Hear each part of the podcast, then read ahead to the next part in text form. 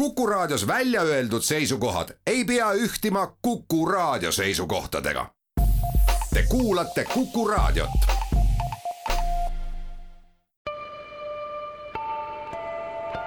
ilmaparandaja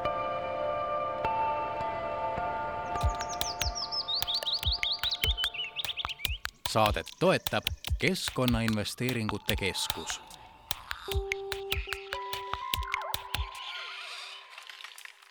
tere, head Kuku raadio kuulajad, kell on mõni minut kaks läbi. eetris on selle nädala ilmaparandaja saade, mina olen saatejuht Mart Valner. selle aasta esimeses saates, mis on jälle eetris traditsioonilisel ajal, vaatame natukene tagasi eelmise aasta teemadele, mis kõige rohkem inimestele korda läksid.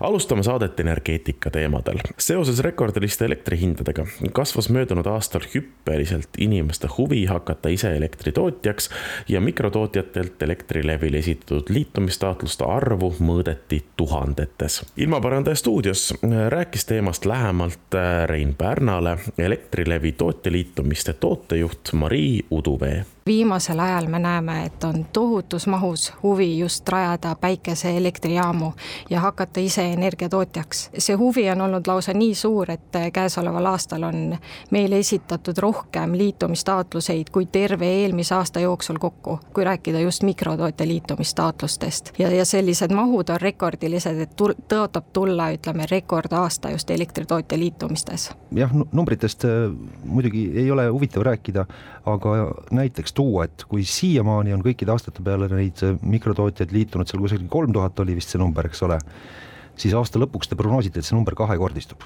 ütleme, et äh, praeguseks hetkeks on neid äh, viis tuhat ja, ja kui kõik liituksid ära, siis siis see võib rohkem kui mitmekordistuda. et aga see oleneb kindlasti sellest, et milline see liitumise hind saab olema ja, ja kas see on vastuvõetav ka mikrotootjatele. no ja, katsumegi ka sellest hinnast täna siis rääkida, aga mis laiemalt on selle noh, selle huvi ja, ja taotluste hüppelise kasvu taga? kindlasti kõige suurem põhjus on elektri hind et nii kõrget elektri hinda ei osanud keegi ette ennustada ja, ja see on pannudki mõtlema tava, ütleme igaühte eh, just eh, alustama ka enda tarbeks just elektri tootmisega.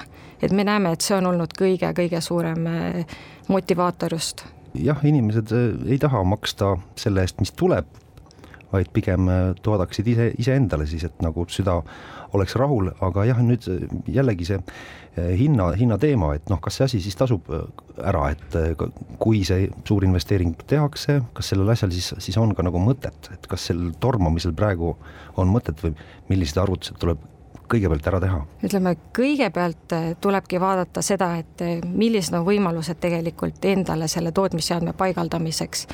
millise võimsusega tootmisseade ja, ja, ja millised tootmisseadmed.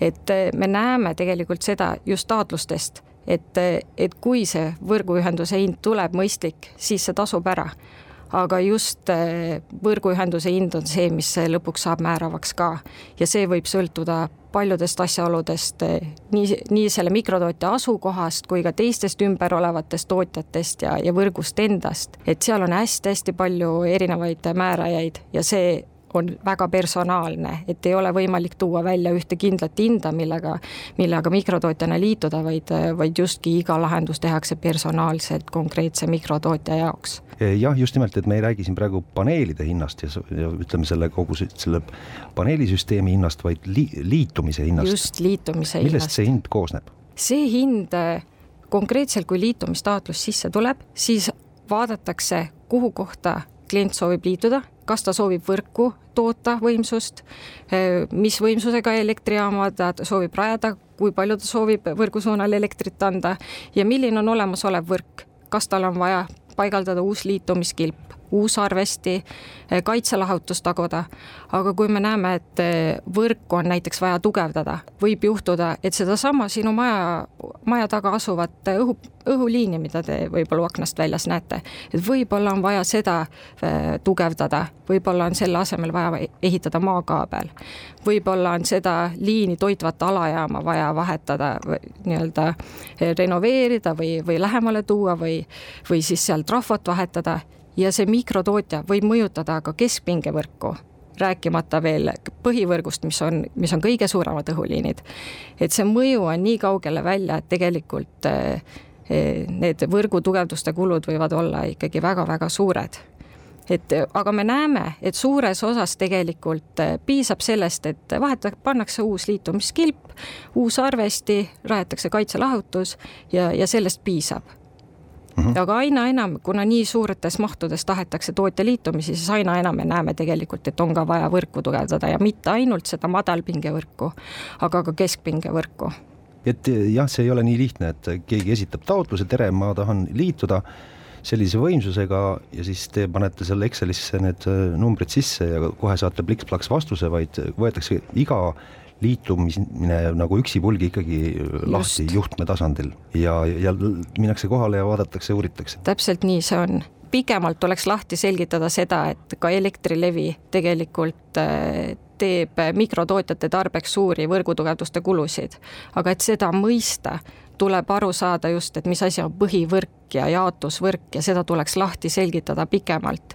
et iga, iga liituja saaks aru sellest, et, et mingid kulud tulevad mikrotootjatele, aga mingid väga suured kulud võivad nende mikrotootjate mahust tulla tegelikult ka võrguettevõtjale, kes kannab need kulud mikrotootjate eest. et me lihtsalt ei pane kõiki kulusid mikrotootjatele, vaid mingisugused kulud meie kanname mikrotootjate eest, mis võivad ulatuda kümnetesse, sadadesse, tuhandetesse, miljonitesse eurodesse ilmaparandaja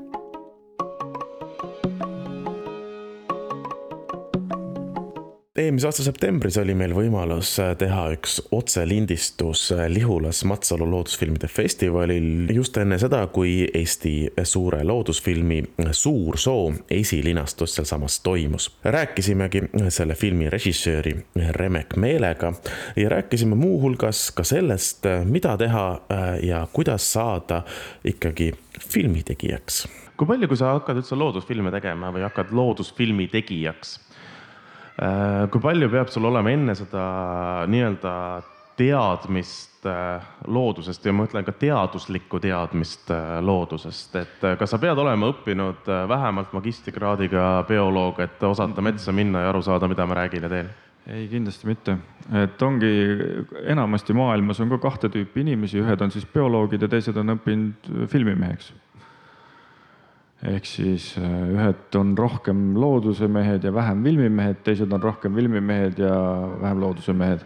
aga see ei, see nagu ei loe, et filmimees võib võtta omale hea bioloogi ja saada sellest asjast väga hästi aru ja samamoodi bioloog võib väga-väga hästi filmima õppida, näiteks nagu Jan Haft on, on ju bioloog tegelikult et äh, ja samas äh, Ants ja Joosep on kõvad filmimehed, on ju, ja tunnetavad ka mõlemad loodust, et see on, ma arvan, et see on okei okay,, kui sa äh, et see on kas kuuskümmend, nelikümmend või kuidas see proportsioon jaotub, aga sa ei pea magistrikraadiga olema, et sa saad, inimene seletab sulle ära, näed, see toimub nii, see toimub naa ja sa saad selle selgeks ja võid väga kvaliteetse filmi teha, omamata eelteadmisi esialgu. kindlasti pärast seda episoodi filmimist on need mehed palju targemad, kui nad ennem olid aga mingi teadmine peab ikka olema, eks ole, et äh, sa, sa ei saa minna lihtsalt kaamera käes metsa ja loota parimat. kõnnin mööda RMK rada ja loodan, et mul tuleb põder vastu. ei noh, eks ilmselt kõik need filmimehed on ju ka tulnud kas siis fotograafiast või on mingi, kuskilt on nendel see looduse connection või, või vanaisa või midagi, et ega neil on juba ju teadmised olemas, noh, nad ei ole päris,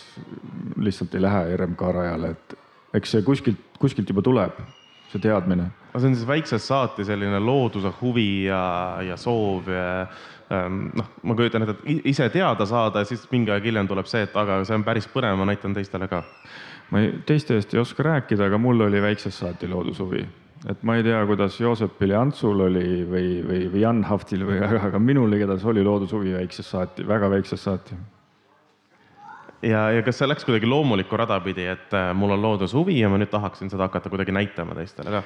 ma ei taht-, ma ei tahtnud midagi näidata, ma ei tahtnud pilti teha ma arvasin, et ma ei hakka kunagi filmima ega pilti tegema, lihtsalt puhtalt juhuslikult sattusin äh, fotograafiga ühte tuppa elama kooli ajal ühikasse.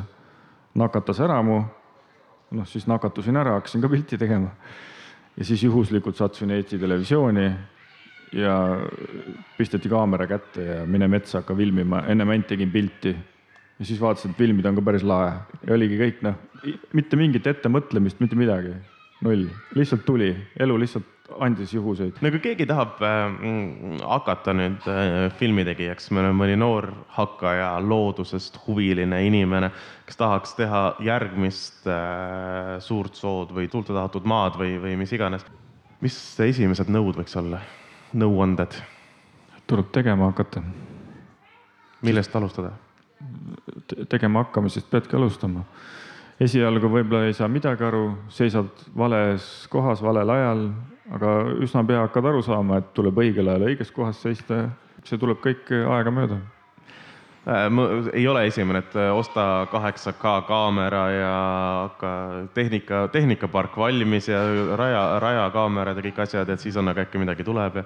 tänapäeval on tehnika nii odav, et äh, mõne tuhande euro eest saab juba sihukese kaamera, millega võid vabalt alustada ja tulevad ilusad suured failid ja, ja kui näed, et tõesti kõik jookseb ja käsi on hea, siis võid osta 8K kaamerat ka. aga sellist asja, et sa pead miljonite eest midagi ostma, nagu olid mõnekümned aastad tagasi, ei ole noh. mine osta kahe tuhande euri eest objektiiv ja kahe tuhande euri eest kere ja hakka filmima ja tee maailma tasemel pilti. ja, ja peamine on vist, äh, ma kujutan ette nagu ikka, et tee palju ja siis äkki midagi tuleb.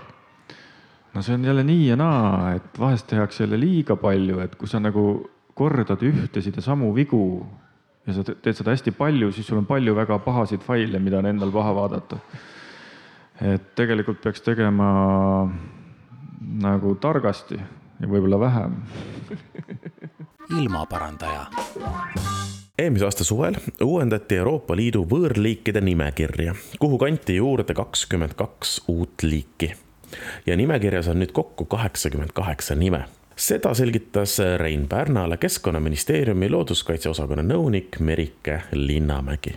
Ja täpselt nii, et äh, meil on Euroopa Liidu määruses praegu kuuskümmend kuus liiki ja lisandub kakskümmend kaks, et äh, päris suur hulk uusi liike nimekirja tuleb jah, päris äh, hulgaliselt on neid uusi liike tulnud ja mainima peab ka vist seda, et äh, ega nüüd Euroopa Liit äh, päris igakuiselt ega ka vist iga-aastaselt seda nimekirja ei uuenda. et millest huvitav selline jah, suur kasv nüüd selles nimekirjas ikkagi on tulnud Eh, nimekirja uuendatakse jah niimoodi paariaastase hüppega ja eh, tegelikult osaliselt see suur hulk uusi liike tuleneb sellest, et eh, Covidi tõttu ei toimunud neid koosolekuid, kus seda nimekirja kinnitada saaks, et lihtsalt kahjuks ei olnud võimalik kohale minna ja hääletada. ahah nüüd siis nagu paisu tagant pääsesid need nimed siis välja, said sinna siis nimekirja sisse. Kui õnnelikud nad muidugi ise selle üle on, seda võib ka arutleda, aga räägime kõigepealt üldse, miks Euroopa Liit säärast nimekirja koostab ja kuidas see nimekiri siis koostatakse ja, ja jah, mis nimekiri see siis nagu laiemalt on nimekirja koostatakse sellepärast, et äh, ühelt poolt võõrliigid teevad väga palju halba loodusele, aga samuti ka majandusele ja inimtervisele, et noh, sõltub liigist, aga need mõjud on väga suured. Ähm, siin kümmekond aastat tagasi hinnati, et umbes kaksteist miljardit eurot aastas on Euroopa Liidus need kulud võõrliikide tõrjele ja nende mõjudele. Ja seega leiti, et midagi tuleb ette võtta, selline nimekiri tuleb koostada ja kuna Euroopa Liidus piirid on lahti, et igaüks võib sõita kuhugi Kesk-Euroopasse, sealt midagi osta, tellida, siis leiti, et see nimekiri peabki olema Euroopa Liidu ülene. sellepärast, et kuna piirid on avatud, siis on väga keeruline teha nagu riigipõhiseid nimekirju, et need ei töötaks ja siis äh, peab seda nimekirja nüüd siis järgima ja iga riik siis ikkagi eraldi oma riigi siseselt äh, peab seda seiret siis tegema, jah?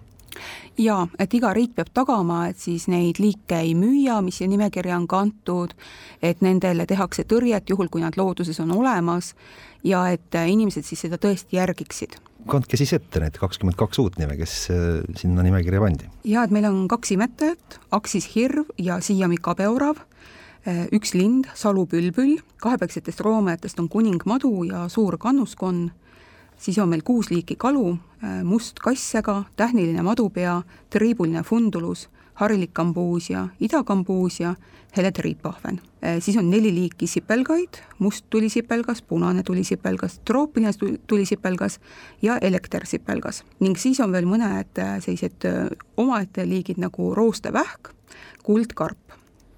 ja lisaks on siis viis taime, on vesisalat ja pruun võõrvetikas ning äh, kolm maismaataime on siis ümaralehine tselaster, hiid, siidias haakea ja Himaalaja põhjatatar just, olete toonud nüüd välja kolm liiki, mis just Eesti kontekstis peaksid olema olulised ja mida peaks eriti nüüd jälgima hakkama.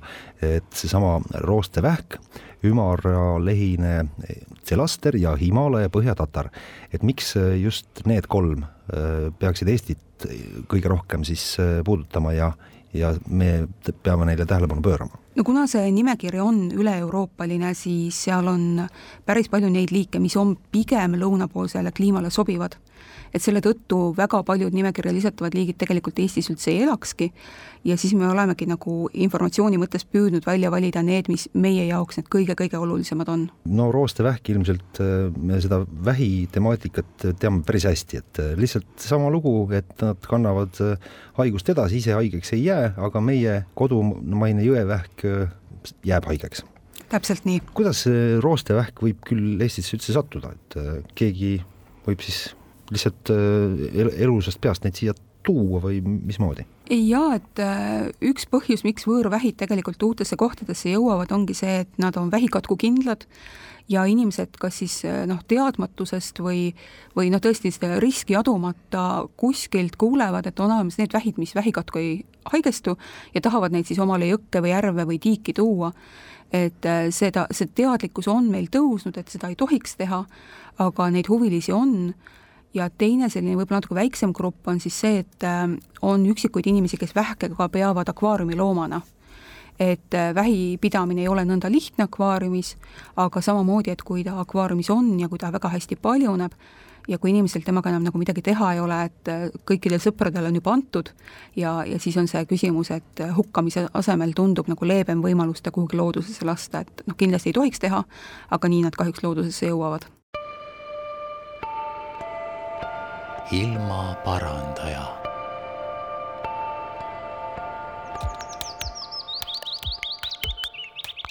saadet toetab Keskkonnainvesteeringute Keskus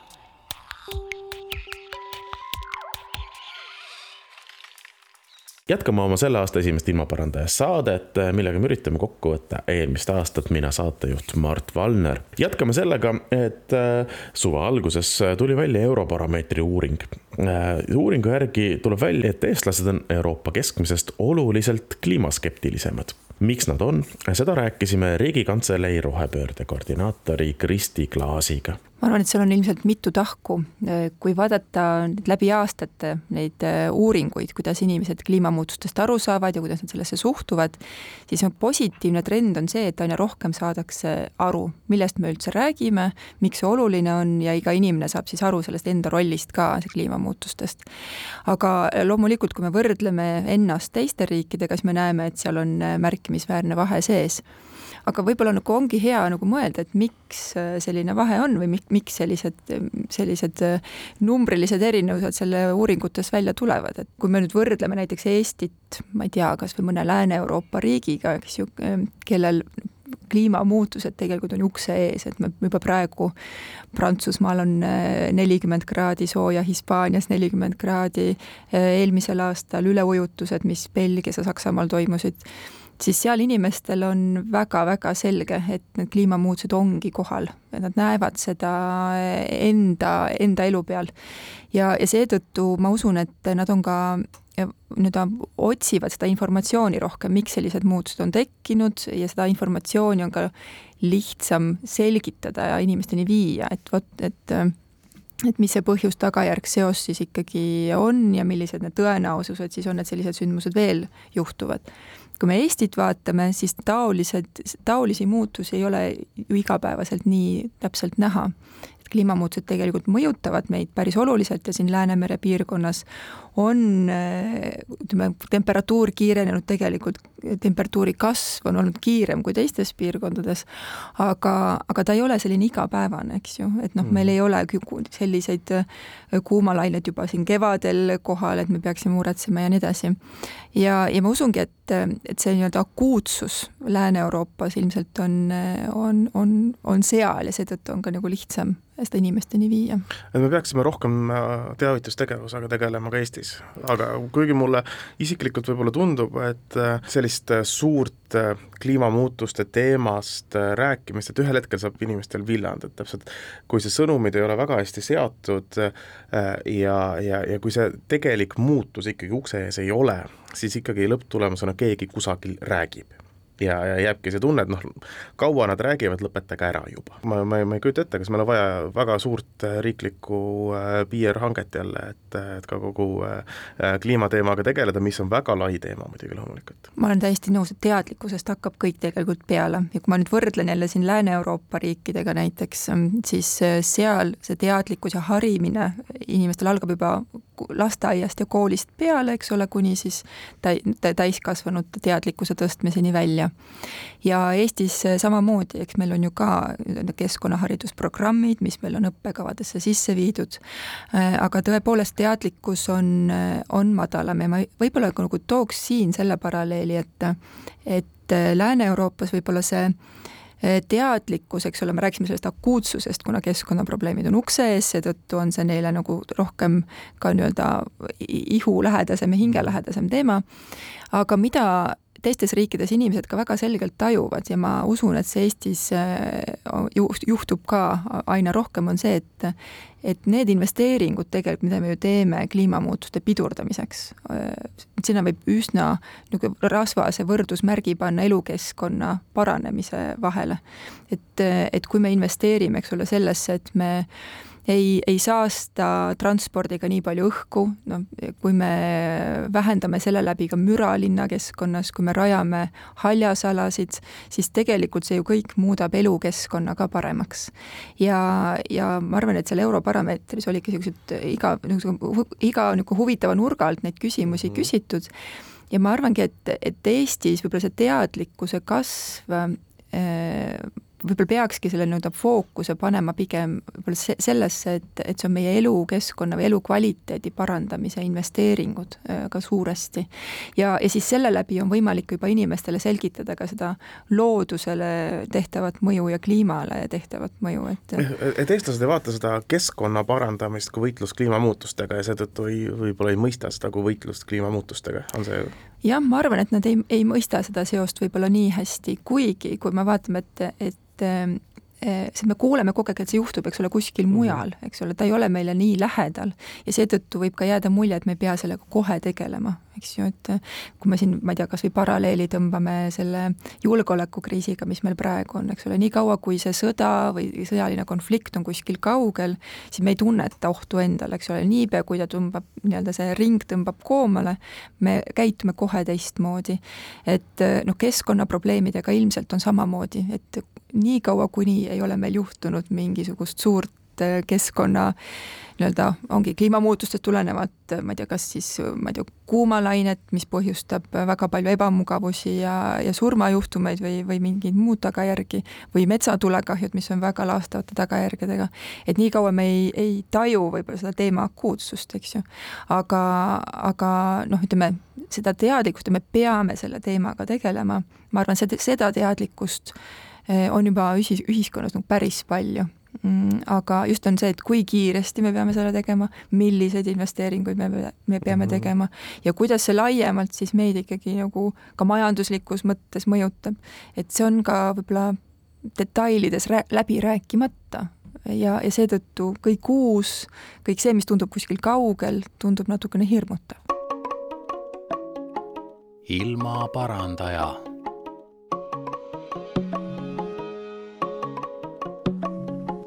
ilmaparandajal käisid külas Eesti teadlased Margus Lopp ja Kristiina Kaldas, kelle arenduses oleva projekti eesmärk on väärindada Eesti põlevkivi hinnalisteks ja turul nõutud kemikaalideks. kui kaugel projektiga ollakse ja kui oluline samm oleks põlevkivist vajalikke aineid tootma hakata, sellest Rein Pärn nendega juttu tegigi me pretendeerime kindlasti uudsele käsitlusele, täiesti uudsele käsitlusele, et kui tõepoolest siiamaani põlevkivi kiputi ahju ajama või, või siis õli pressima, mis on muide, ega peab ütlema, et õli tootmise tehnoloogia praegu on Eesti eelmiste põlvkondade väga suur saavutus ja see on parim maailmas olev tehnoloogia aga tal on puudused, tal on ajastust tingitud puudused, tal on oma olemusest tingitud puudused, sellepärast eh, me olimegi sunnitud vaatama juba asja natuke teistmoodi ja, ja uudsus seisab selles, et, et meie lähtusime põlevkivi struktuurist,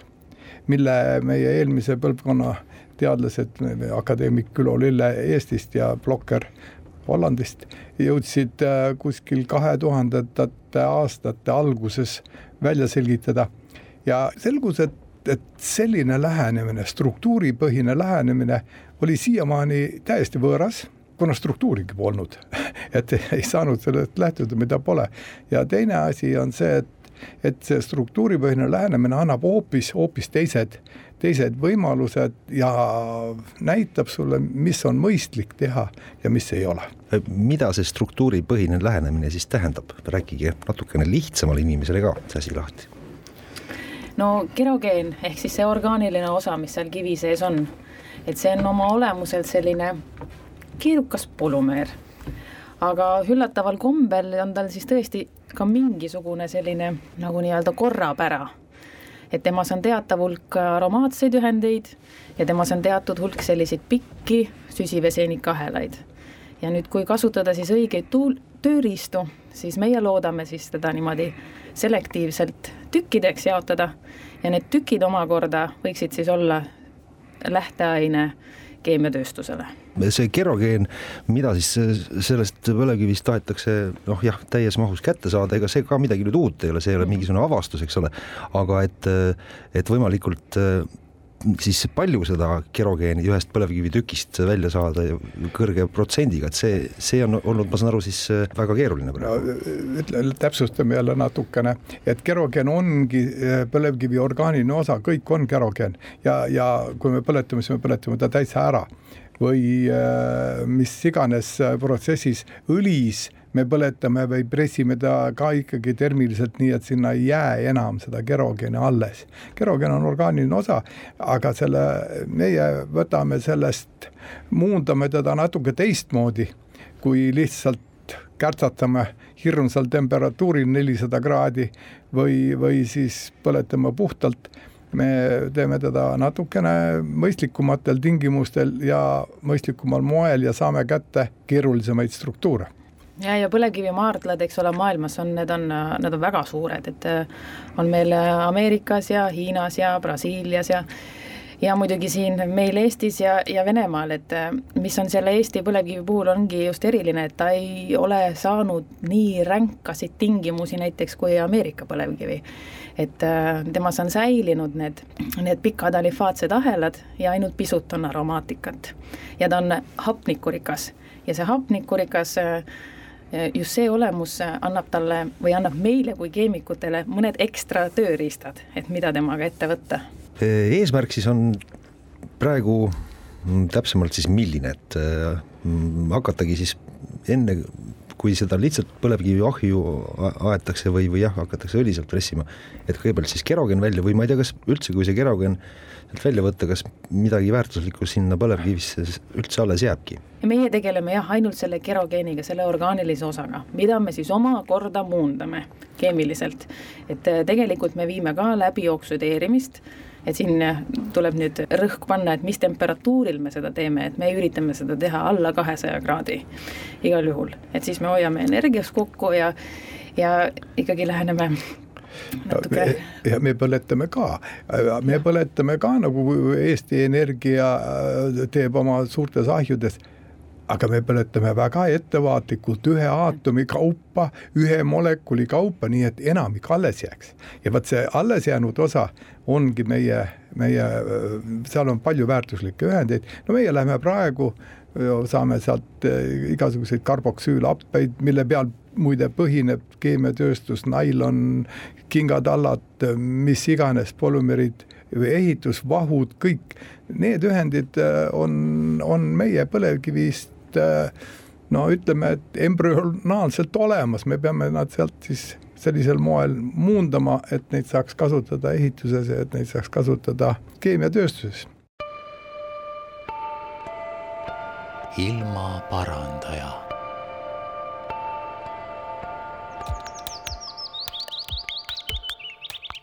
saadet toetab Keskkonnainvesteeringute Keskus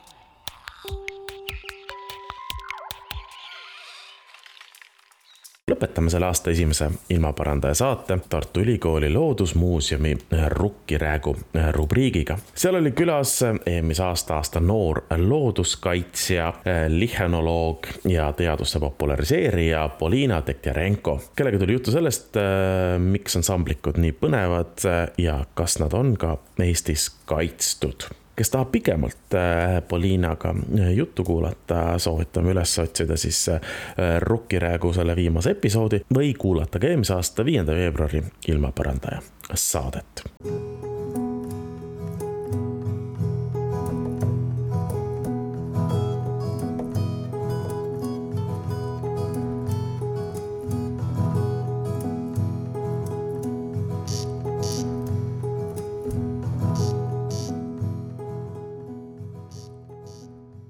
Me salvestame seda saadet jõulukuul detsembris ja me täna räägime sellisel teemal nagu samblikud ja täna stuudiosse kutsusin lihenoloogi ehk samblike uurija Polina Tektjarenko, tere tulemast! tere! tutvusta end, Polina, millega sa tegeled? jah, aitäh kutsumast, et äh, mina olen äh, kõigepealt äh, samblike uurija ja olen ka ökoloog ja looduskaitsja. Ja siis ma olen ka samblike teaduse populariseerija ja samblike teema populariseerija. Ja töötan Tartu Ülikoolis teadurina ja lisaks olen ühe tagasihoidliku rahvusvahelise teaduskirja Folia krüptokaamika Estonica peatoimetaja, et et mul on hästi palju tegemist ja hästi palju rolli ja siis ma üritan kuidagi neid äh, täita. väga mitmel erineval tasandil äh, tegeled samblike uurimisega, mis on siis hetkel sinu töölaual? hetkel mul on hästi päris mitu tegelikult äh, lõpetamata käsikirja ja ma tahaks väga neid lõpetada, enne kui ma hakkan tegelema uute tööülesannetega, et uuel aastal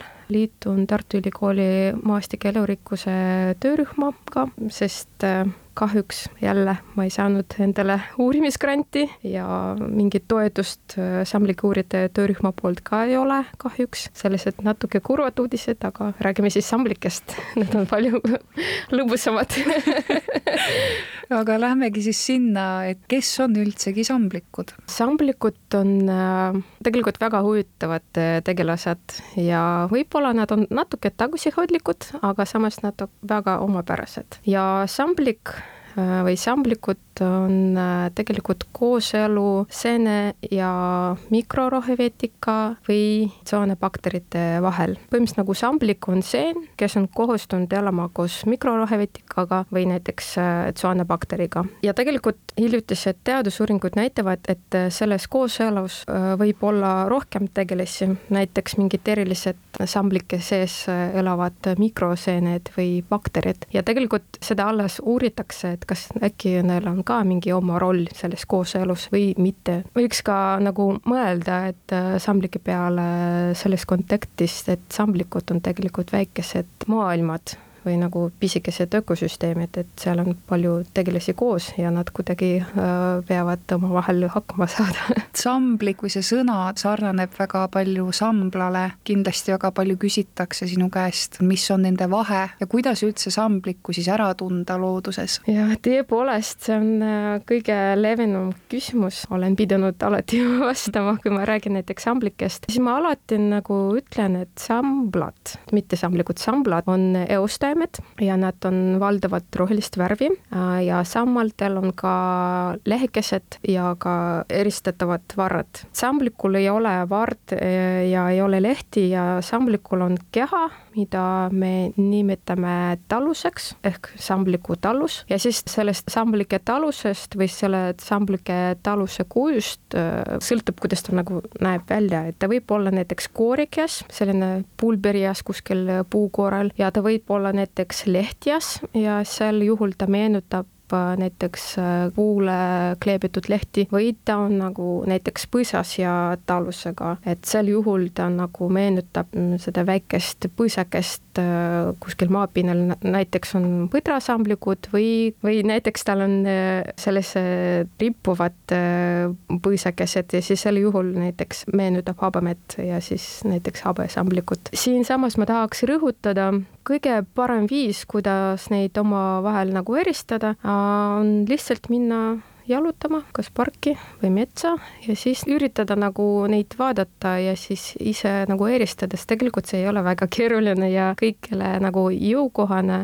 Ja siis nagu hea uudis see, et samblikuid võib kohata igal pool ja ka näiteks linnaruumis, kuskil nagu parkis või näiteks äh, seinamüüril, postil või kividel ja veel üks hea uudis, et äh, samblikke võib vaadelda aastaringselt. ja siis ma võiks ka nagu lisada, et äh, tegelikult seda erinevate liikide või liikide rühmade vahel nagu eristamine aitab ka mõtestada paremini meid ümbritsevat loodust ja meid ümbritsevat elurikkust. sa ütlesid, et samblik kuid võib leida igal pool, kas see tähendab, et samblike levik on hea, milline see olukord üleüldse on Eestis? kahjuks mitte, neid selles mõttes nad võib leida igal pool, aga nad ei ole kõige paremad levitajad. värsked uuringud tegelikult näitavad, et äh, samblike olukord Eestis äh, halveneb, eks see muidugi nagu intensiivne maakasutus ja metsamajandus äh, ja sellega kaasneb siis nende elupaikade kadumine mõjub ka Eesti samblikele. näiteks kõige värskemad punase nimestiku andmed näitavad, et, et ligi kolmandik Eesti samblikest kuulub ohustatud liikide kategooriasse, et kas näiteks nad on kriitilises seisundis, kas väljasurmisohus või ohualtis. võrreldes ka varasemate andmetega olukord halvenes just nagu samblikel, aga ka lindudel ja kahepaiksetel. mida saaks teha, et samblike levikut edendada ja üldse neid hoida? kindlasti tuleb nagu säilitada elupaiku, kus nad just kasvatavad ja siis võib-olla seda metsaraed kuidagi reguleerida ja siis vältida metsaraed just nendes kohtades, kus nagu kasvavad mingid väga erilised või nagu looduskaitselised samblikud ja just nagu meil parasjagu käib selline projekt, et KIK-i poolt finantseeritud, et nagu üheks eesmärgiks on lõpetada seni hindamata samblike ohustaatuse hindamine. projekti teine eesmärk on siis uuendada või revideerida neid samblike kaitsekategooriad ja siis pärast ka valmistada ette ettepanekuid uute liikide kaitse alla võtmiseks, et meie need samblike kaitsekategooriad vajavad revideerimist juba väga ammu ja paljudel juhtudel äh, rangemaks muutmist. projekt veel kestab, ma praegu pakun, et võib olla siis kuni sada sambliku liiki, kes ei ole praegu kaitse all, aga kes nagu vajavad äh, tegelikult äh, riiklikku kaitset. ja hetkel on riikliku kaitse all ainult viiskümmend üks samblikku ja siis muidugi see on väga keeruline ja natuke pikk protsess, kuidas me seda teeme ja kuidas me jõuame nagu, et kas seda liiki on vaja kaitsta või mitte ja selleks selleks me teeme ka muidu kaitsemeetmete analüüsi ja siis arvestame ka värskeid äh, punase nimistiku andmeid. lõpuks siis ma loodan väga, et Keskkonnaministeerium ja siis keskkonnaametnikud äh, võtavad nagu tõsiselt meie ettepanekud ja siis mingi aja pärast meil on nagu uus äh, ja teaduspõhine kaitsealuste liikide nimekiri. kuidas satub samblik punasesse kategooriasse? ohukategooriasse. ohukategooriasse, kas selleks on vaja teha mingisugune mingisugune teatud ajaraamistikus mingeid analüüse, vaatlusi? punane nimestik on äh, kas siis instrument, võiks ka nii öelda, et äh, samblike või teiste liikide mm, sorteerimiseks äh, nende ohustaatuse alusel, et selle nimistiku eesmärgiks on anda siis ülevaade äh, näiteks samblike väljasuremise riskidest äh, ja siis ka seda põhjustatavates ohtudes tegelikult see nimestik või see punane nimestik ei ole, ei tähenda veel, et kui see mingi liik on selles punases nimestikus, see veel ei tähenda, et seda liiki on vaja kaitsta või on kaitse all, aga see annab aluse liikide kaitse korraldamisel ja siis kaitsemeetmete kavandamisel, et see on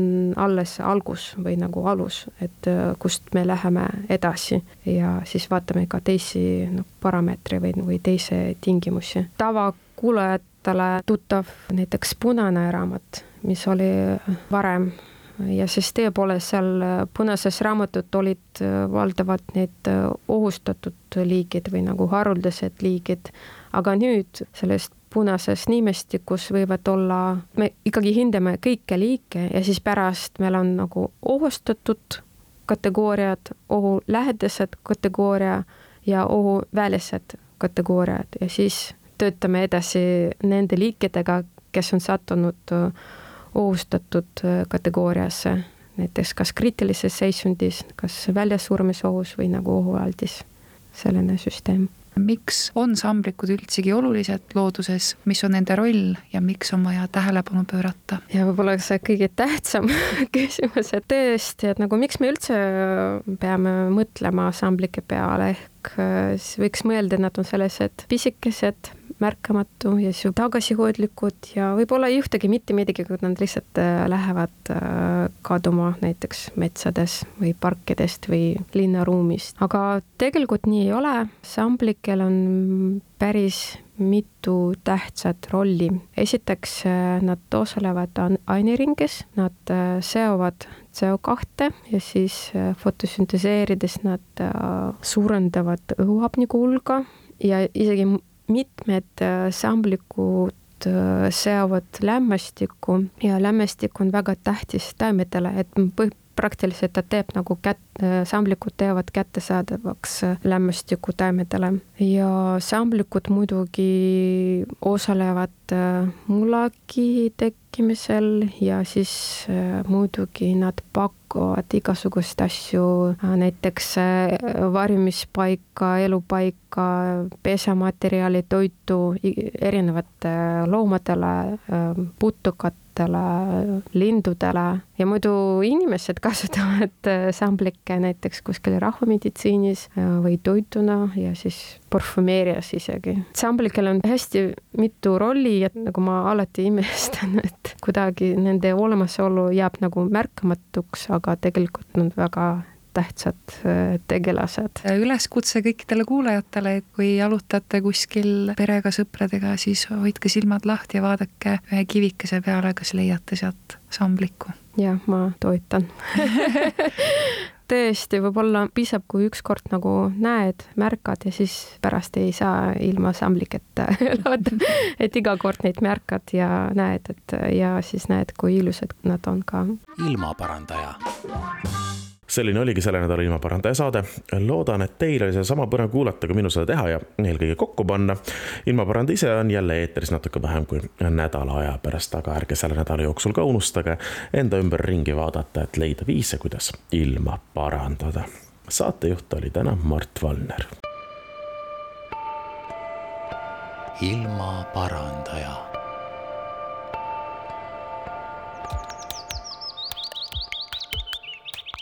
saadet toetab Keskkonnainvesteeringute Keskus.